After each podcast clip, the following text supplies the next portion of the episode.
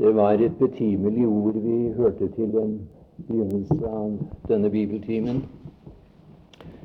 Det er vel det som vi ble minnet om, som er den store fare i dag.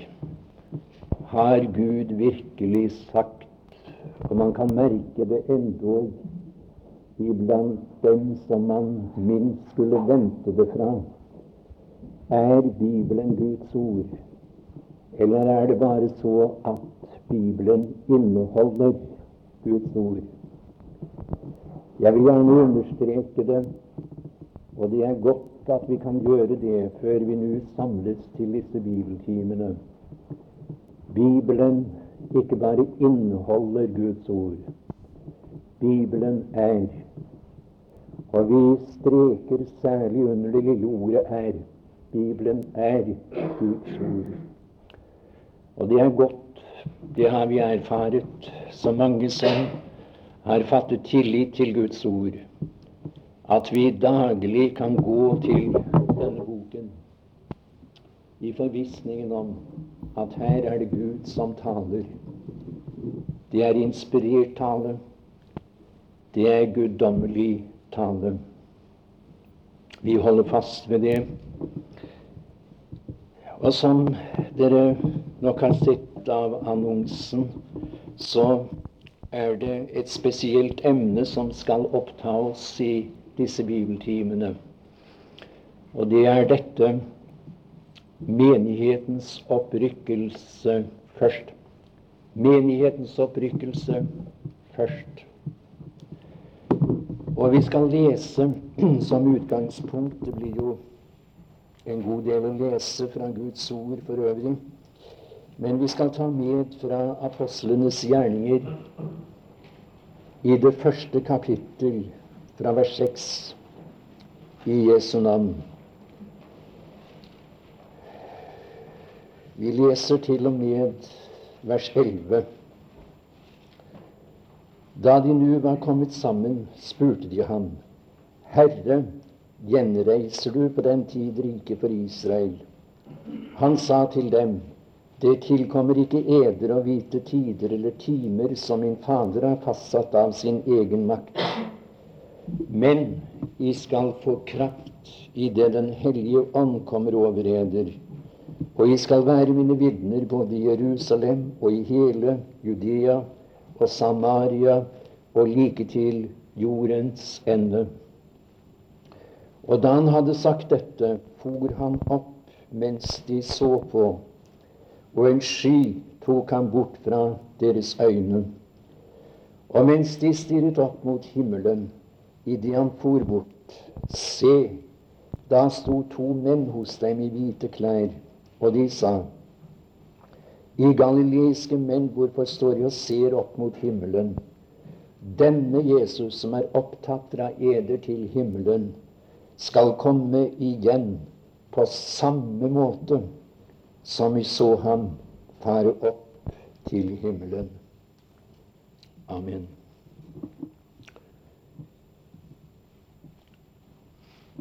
Når vi har lest Guds ord, har vi sikkert lagt merke til at det er ett, spesielt ett emne som har fått en bred plass i Skriften. Og det emnet er det vi skal være opptatt med i aften og i de følgende to bibeltimene vi har planlagt å ha her på dette sted, nemlig den Herre Jesu Kristi annet komme. Vi vet at Han en dag kom, og det er godt å tenke på når vi ser tilbake. Men vi vet like sikkert ifølge Guds klare utsagn han skal en gang komme igjen. Jeg kan nevne at denne begivenheten, Kristi annet komme generelt Jeg skal forklare etter hvert som vi nå skrider frem i våre betraktninger, hva jeg mener med dette. Men jeg må bruke det uttrykket generelt er denne sannhet, at Kristus skal komme igjen, omtalt ikke mindre enn 318 ganger bare i Det nye testamentet. Bare i Det nye testamentet, mine tilhørere, finner vi omtalt denne begivenheten 318 ganger. Det vil si, i hvert 25. vers i Det nye testamentet forkynnes det at den Herre Jesus skal komme igjen. Tar vi for oss Tessalonikerbrevene, de to Tessalonikerbrev, vil vi finne at Kristi annet komme er omtalt gjennomsnittlig i, hvert fjerde vers i disse to brevene. Jeg vet ikke om du har vært oppmerksom på det før, men du kan bare undersøke, og du vil finne Jeg sier gjennomsnittlig er Kristi annet komme nevnt i hvert fjerde vers i disse to brev. Og i hele Skriften er denne begivenheten omtalt i forbindelse med Israel i forbindelse med menigheten og i forbindelse med denne verden omtalt 578 ganger. Det er meget. En sannhet som har en så dominerende plass, holdt jeg på å skulle si, i Guds ord, bør vi naturligvis være opptatt av.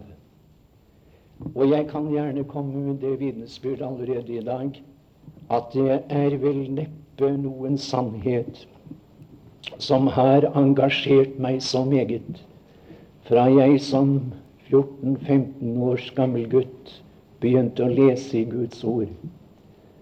Og jeg må få lov å legge til aldri har denne sannhet stått så klart for meg som nettopp i de senere år. Jeg tror jeg tør si at det går ikke en dag i mitt liv uten at jeg tenker på denne begivenheten. Han kommer. Han kommer. Han kommer snart. Vi har ikke fått noe brev på når han kommer. Vi vet heller ikke når han ikke innfinner seg. Vi vet bare han kommer. Han kommer igjen. Det var det første som ble forkynt i denne verden etter at den Herre Jesus ble opptatt til himmelen. Ikke før, fortelles det her, som vi hørte, var det en sky som hadde tatt ham bort fra deres øyne. Når disse elleve der i skråningen av Oljeberget står og, og stirrer opp mot himmelen, så er det to himmelske representanter. Jeg har mine tanker om hvem disse var. Jeg skal ikke komme inn på det nå. Men to representanter fra selve himmelen var møtt opp der.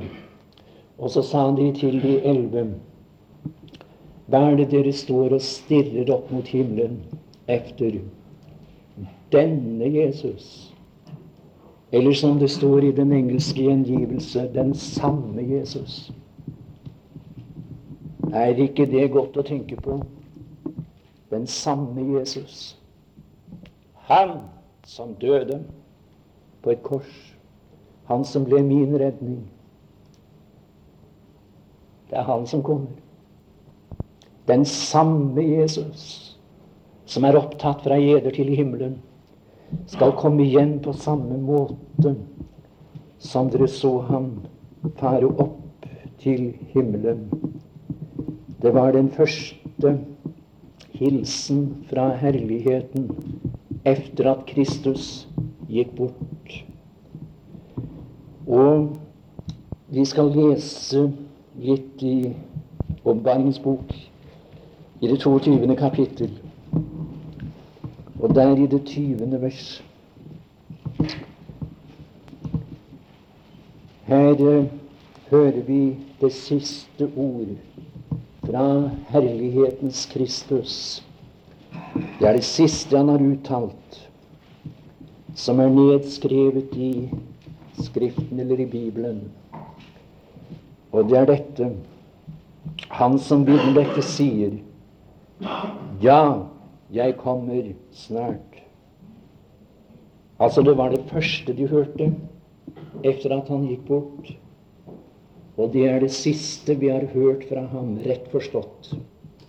Altså det siste som er nedskrevet, nedtegnet i Guds ord, det er dette. Ja, jeg kommer snart. Og så hører du apostelen Johannes gi uttrykk for dette, som vi her leser. Amen. Ja, kom, Herre Jesus. Det var den innstilling menigheten skulle ha til denne kommende begivenheten. Ja, kom, Herre Jesus. Er det din innstilling? Er det min? Daglig, stadig under reisen.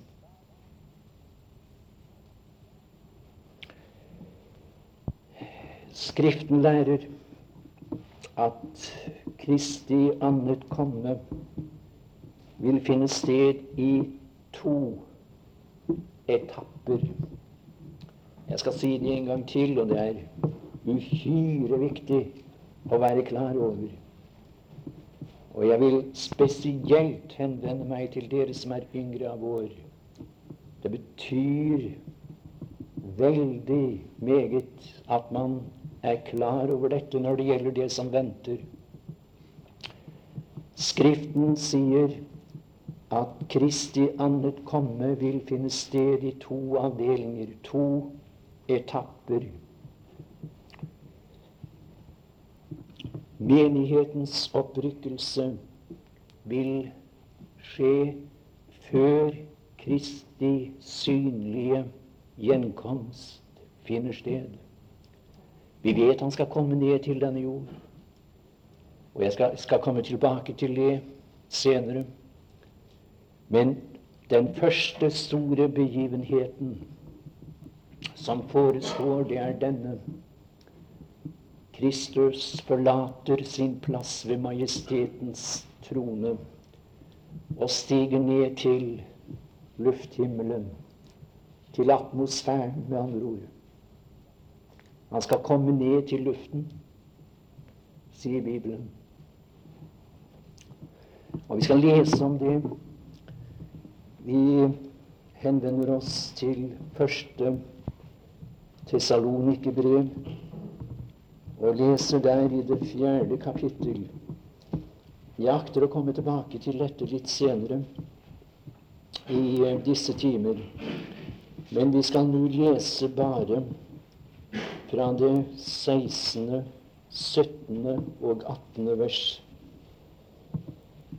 For Herren selv skal komme ned fra himmelen med et begynnende rop, med overengels røst og med Guds basun. Og de døde i Kristus skal først oppstå. Deretter skal vi som lever, som blir tilbake, sammen med dem rykkes i skyer opp i luften for å møte Herren. Og så skal vi alltid være med Herren, trøste hverandre med disse ord. Og det var spesielt det 17. verset jeg ville påkalle din oppmerksomhet for. Der heter det, som vi hørte Deretter skal vi som lever, som blir tilbake, sammen med dem rykkes ikke opp i skyene. Nei, det står ikke det. Vi hører det igjen og igjen i tale. Vi hører det i, gjennom våre sanger at den Herre Jesus skal komme ned til skyen. Og så skal vi rykkes opp i skyen. Nei, jo da, det står det. Men det er i en helt annen forbindelse. Her står det vi skal rykkes i skyer opp i luften for å møte Herren. Møtestedet mine tilhører, er luften. I lufthimmelen. Det er der jeg skal se ham for første gang sånn som han er. Og det er det jeg venter på. Rykkes i skyer. Jeg liker å tenke på det på denne måten. Det er de troende som skal utgjøre skyene på himmelen når denne begivenheten finner sted. Det vil være en sky fra Norge, en fra Sverige, en fra Danmark, en fra USA, en fra hvert enkelt land hvor det finnes troende, gjenfødte mennesker. Ser du dem? Rykkes i skyer opp i luften for å møte Herren. Og tanken er ikke søkt, den er ikke konstruert. I Hebrebrevets tolvte kapittel sies det i det første vers da vi har en så stor en sky av vitner omkring oss. Og hvis du vil se på sammenhengen der i det ellevte kapittel, vil du finne at det er denne vitneskare fra Det gamle testamentet, disse troende, som her er omtalt som en stor sky av vitner. Jo, det skal bli en sky som rykkes opp også fra vårt land når den Herre Jesus kommer igjen når han stiger ned til lufthimmelen. Og jeg må i parentes her få bemerke at jeg er ikke så veldig begeistret for den nye oversettelsen akkurat når det gjelder første Tessalonikerbrev 4, vers 17. Uten å si noe mer om det. Jeg har brakt i erfaring at tanken her er denne. Må jeg få lov å gjenta? Jeg gjør det for at det bedre skal huskes. Det er de troende som skal utgjøre skyene. Rykkes i skyer opp i luften for å møte Herren. Skal du være med i den skyen? Jeg har sagt til Herren i den senere tid at jeg skal ikke holde en bibeltime, et møte, med mindre jeg regner med at det kan være noen som ikke er født på ny, som sitter og lytter. Og hvis du skulle være her i, i dag eller i aften, så kan jeg fortelle deg du kan bli født for annen gang mens du sitter her og hører. Han døde for deg. Det begynner der. Det begynner ved Golgata. Det begynner på kne. Idet du kapitulerer og aksepterer at det er fullbrakt for deg, det verk han gjorde. Det vil stå bli stående mange tomme hjem, tror jeg, rundt om på Stray når den Herre Jesus har hentet sine. Og jeg synes bare synd på de som må gå igjen her. Dette er virkelig. Dette er hva Guds ord sier.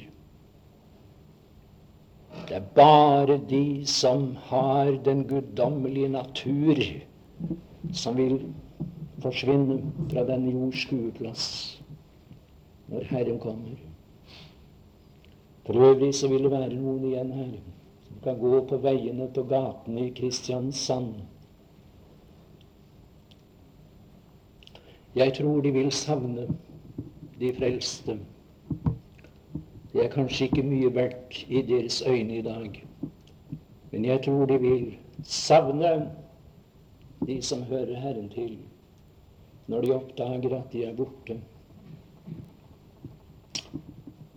Og for et privilegium vi har i denne tid. At vi kan gå til denne boken, hver enkelt av oss. At vi kan samles til møter og lytte til Herrens ord. Mine tanker går ofte til de land hvor man må krype i skjul for å lese et stykke av denne boken. Vi er privilegert. Men hvorfor nettopp i lufthimmelen? Som jeg her har understreket, det er der vi skal møte ham, se ham som han er. Se ham i bokstavelig betydning for første gang. Ja, må jeg få lov å ta deg med til Efesebrevet i det annet kapittel. Og vi skal lese der fra det første og annet vers. Efesebrevet kapittel 2.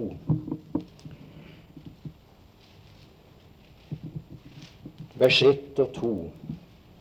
Også eder har han gjort levende, i som var døde ved eders overtredelser og synder, som i fordum vandret i efter den verdens løp, efter høvdingen over luftens makter.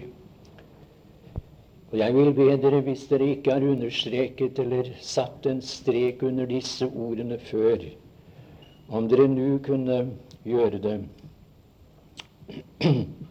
Legg merke til at djevelen den gamle slange fra Edens hage som vi hørte om til en åpning av vår bibeltime i aften. Han kalles her høvdingen over luftens makter, den ånd som nå er virksom i vantroens barn. Han er eh, generalen. Bibelen sier at det er en verden av onde krefter som er i virksomhet i lufthimmelen. Lufthimmelen er fiendens operasjonsbasis. Det er der han i dag har sitt sete. Efesebrevet igjen, i det sjette kapittel, vers 12.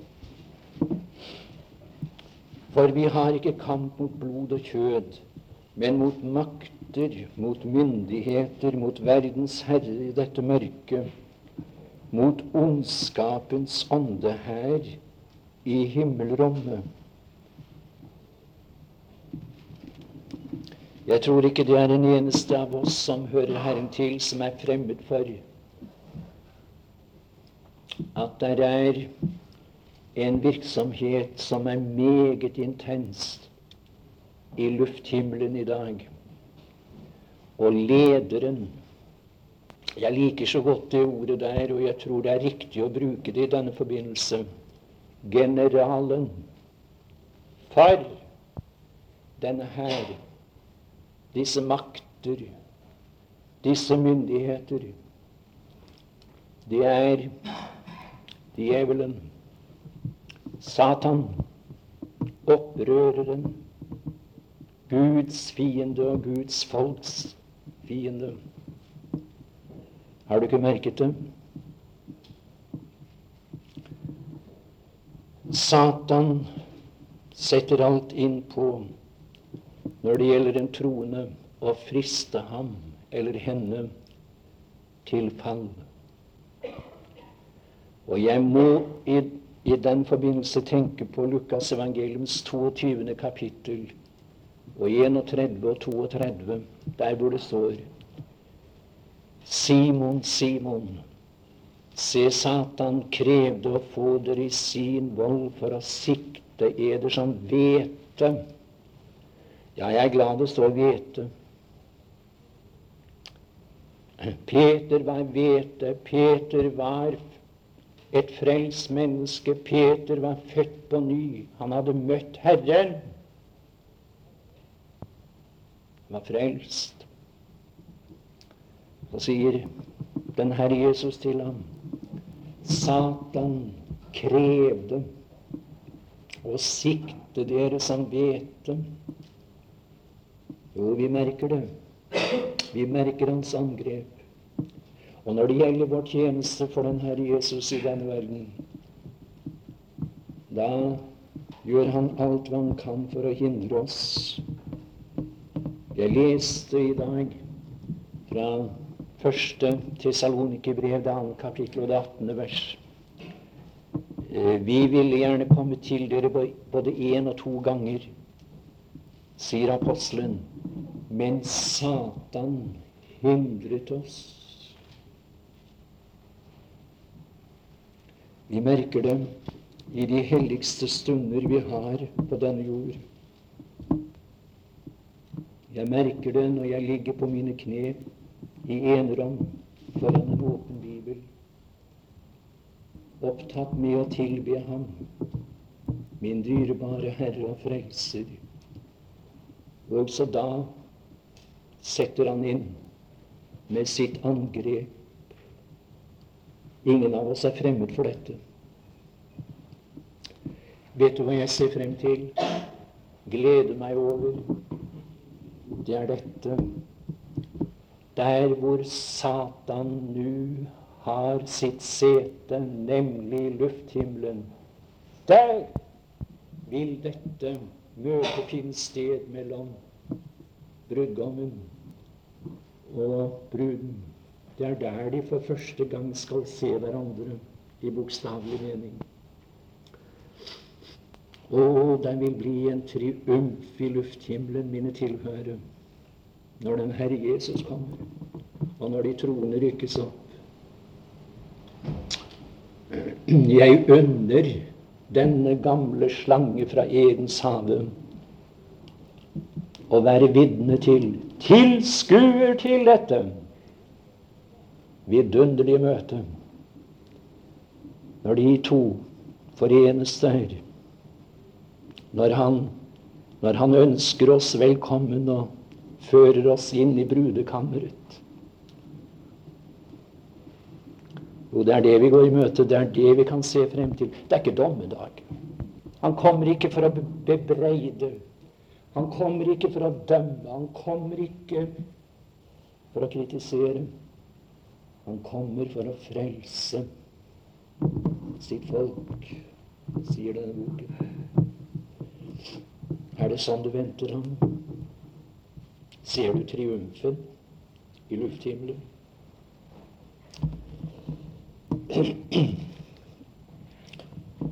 Sannheten om menighetens opprykkelse var en hemmelighet i de forrige tidsaldere.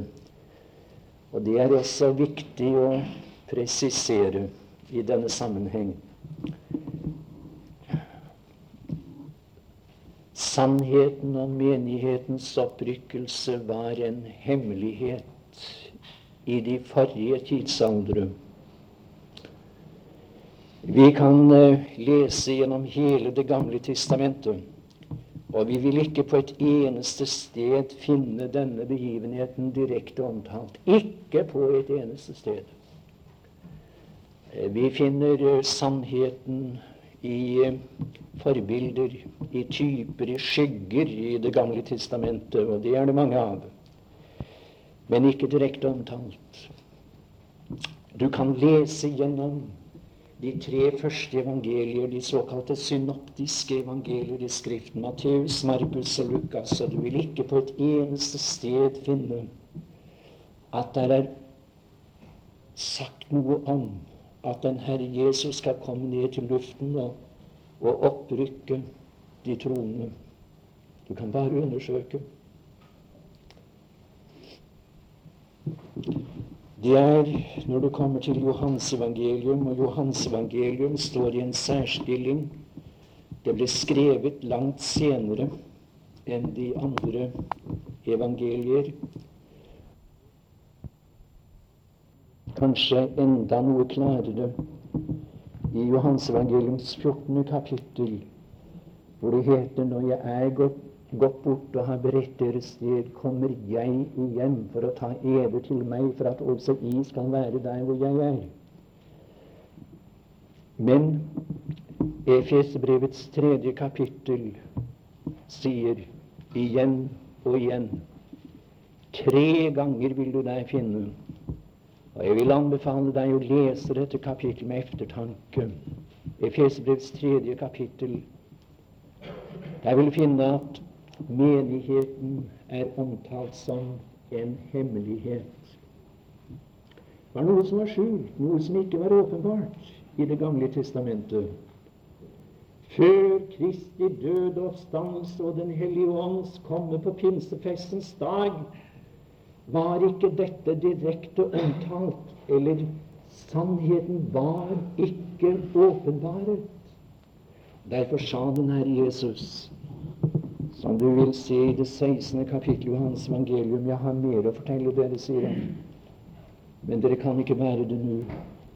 Men når Han, sannhetens ånd, kommer, skal Han veilede dere til hele sannheten. Hør nå, er det ikke logisk? Hvis menigheten var en hemmelighet, da var også menighetens opprykkelse en hemmelighet. Må jeg få lov å gjenta det? Tenk litt over det nå.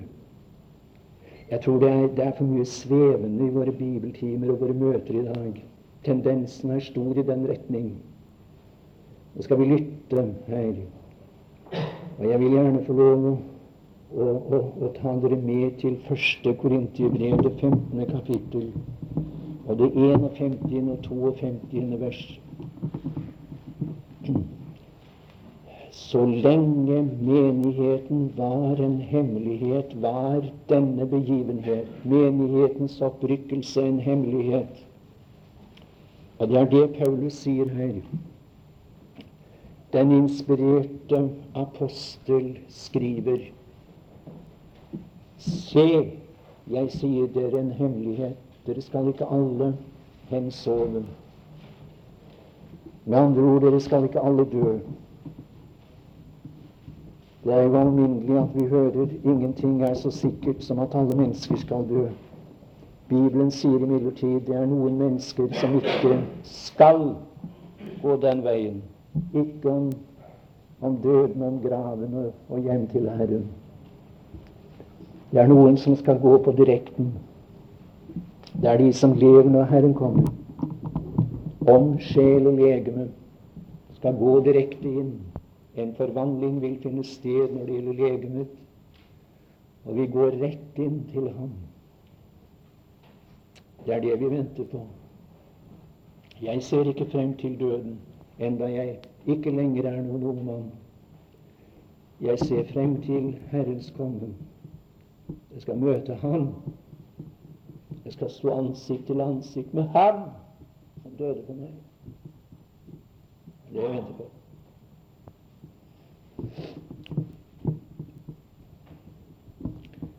Se, jeg sier dere en hemmelighet. Dere skal ikke alle hensove, men dere skal alle forvandles i et nu, i et øyeblikk. Og det står egentlig der et ord som på det tidspunkt da brevet var skrevet, ikke var kjent. Det står i et atomos det minste grann av tid, altså.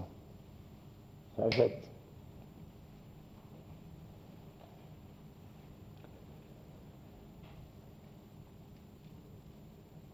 De døde skal oppstå uforgjengelige, og vi skal forvandles. Sannheten om at den Herre Jesus kommer synlig, offisielt til denne verden, var en velkjent sannhet i Det gamle testamentet. Og det var det som igjen og igjen ble nedskrevet av de tre første evangelistene, nemlig Matteus, Markus og Lukas. Igjen og igjen fortelles det der at han kommer i karakter av konge. Han kommer som dommer. Men aldri finner du at han kommer i karakter av frelser for menighetens trone i denne del av Skriften. Det er først i Paulus' brever at det blir åpenbart. Jeg har lyst til å si noe om hvordan Herren kommer, hvordan Han kommer. Og Da skal vi tilbake til vårt utgangspunkt, og vi leser der i det ellevte vers, det siste verset vi leste der fra, fra Apostelens gjerninger, det første kapittel. Og de sa i galileiske menn, hvorfor står jeg og ser opp mot himmelen? Denne Jesus som er opptatt fra eder til himmelen, skal komme igjen på samme måte som vi så han fare opp til himmelen. Og når det står her at han skal komme igjen på samme måte, blir spørsmålet hvordan gikk han bort? Hvordan gikk han opp? Sier Bibelen noe om det? Ja, vi finner det i Lukas evangelium, i det 24. kapittel. 24, Lukas. Og vi leser der vers 50 og 51. Og han førte dem ut imot Betania, og han løftet opp sine hender og velsignet dem. Hvordan var det han gikk bort? Han gikk bort på denne måten. Han løftet opp sine hender og velsignet dem. Så leser vi vers 51, og det skjedde. Da han velsignet dem, at han ble opptatt At han skiltes fra dem og ble opptatt til himmelen. Det siste de så av ham, det var dette. Sånn. Sånn gikk han bort. Så var det en sky som tok ham bort fra deres øyne. Og det forekommer meg når jeg er blitt stille for dette, at det var som om den Herre Jesus ville si til disse som han hadde delt samvær med, vært sammen med i, i ca. tre år, vel det, i denne verden om dere glemmer meget av det vi har delt med hverandre, om dere glemmer meget av det jeg har vært for dere, prøv allikevel å huske at jeg en dag var på Golgata kors, hvor jeg fikk disse merker Det var som om hans hender dryppet av blod da han løftet dem opp der og velsignet dem. Glem ikke de naglemerkede hender.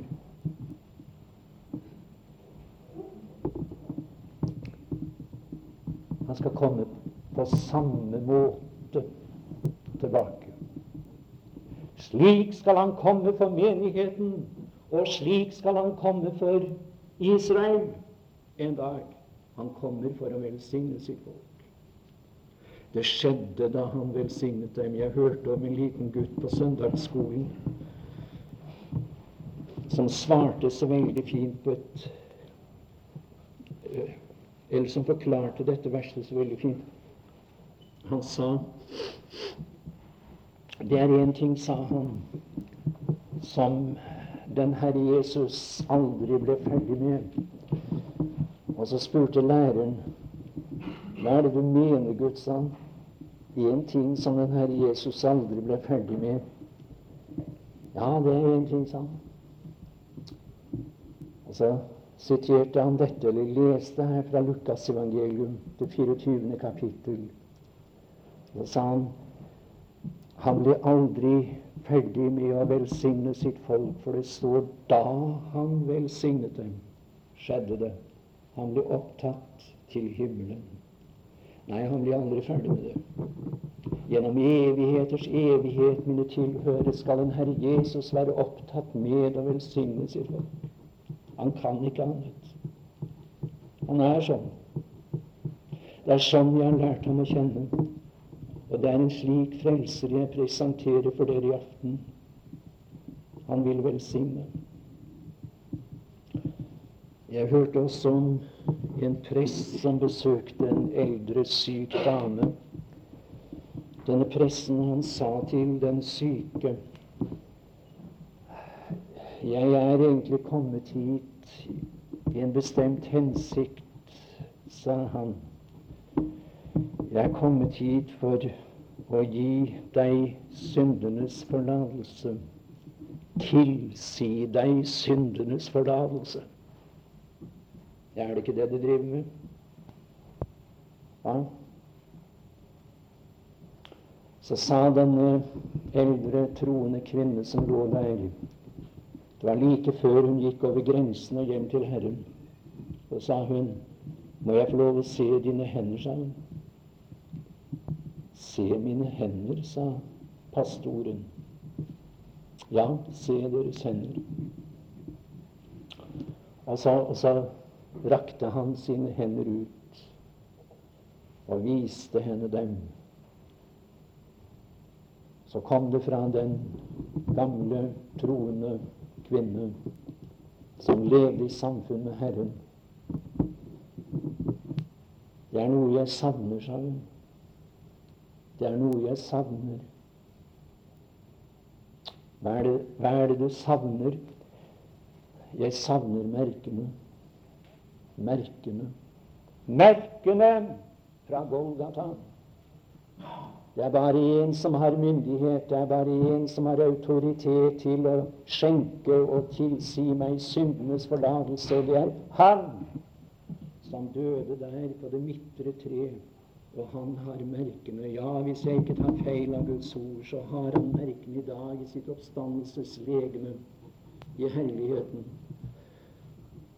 Og jeg tror det vil bli for meg som det var for bruden i høysangen. Når jeg en dag får øye på ham i lufthimmelen, så vil jeg utbryte Min elskede er hvit og rød, utmerket fremfor titusener. Hvit fra evighet. Ren, altså.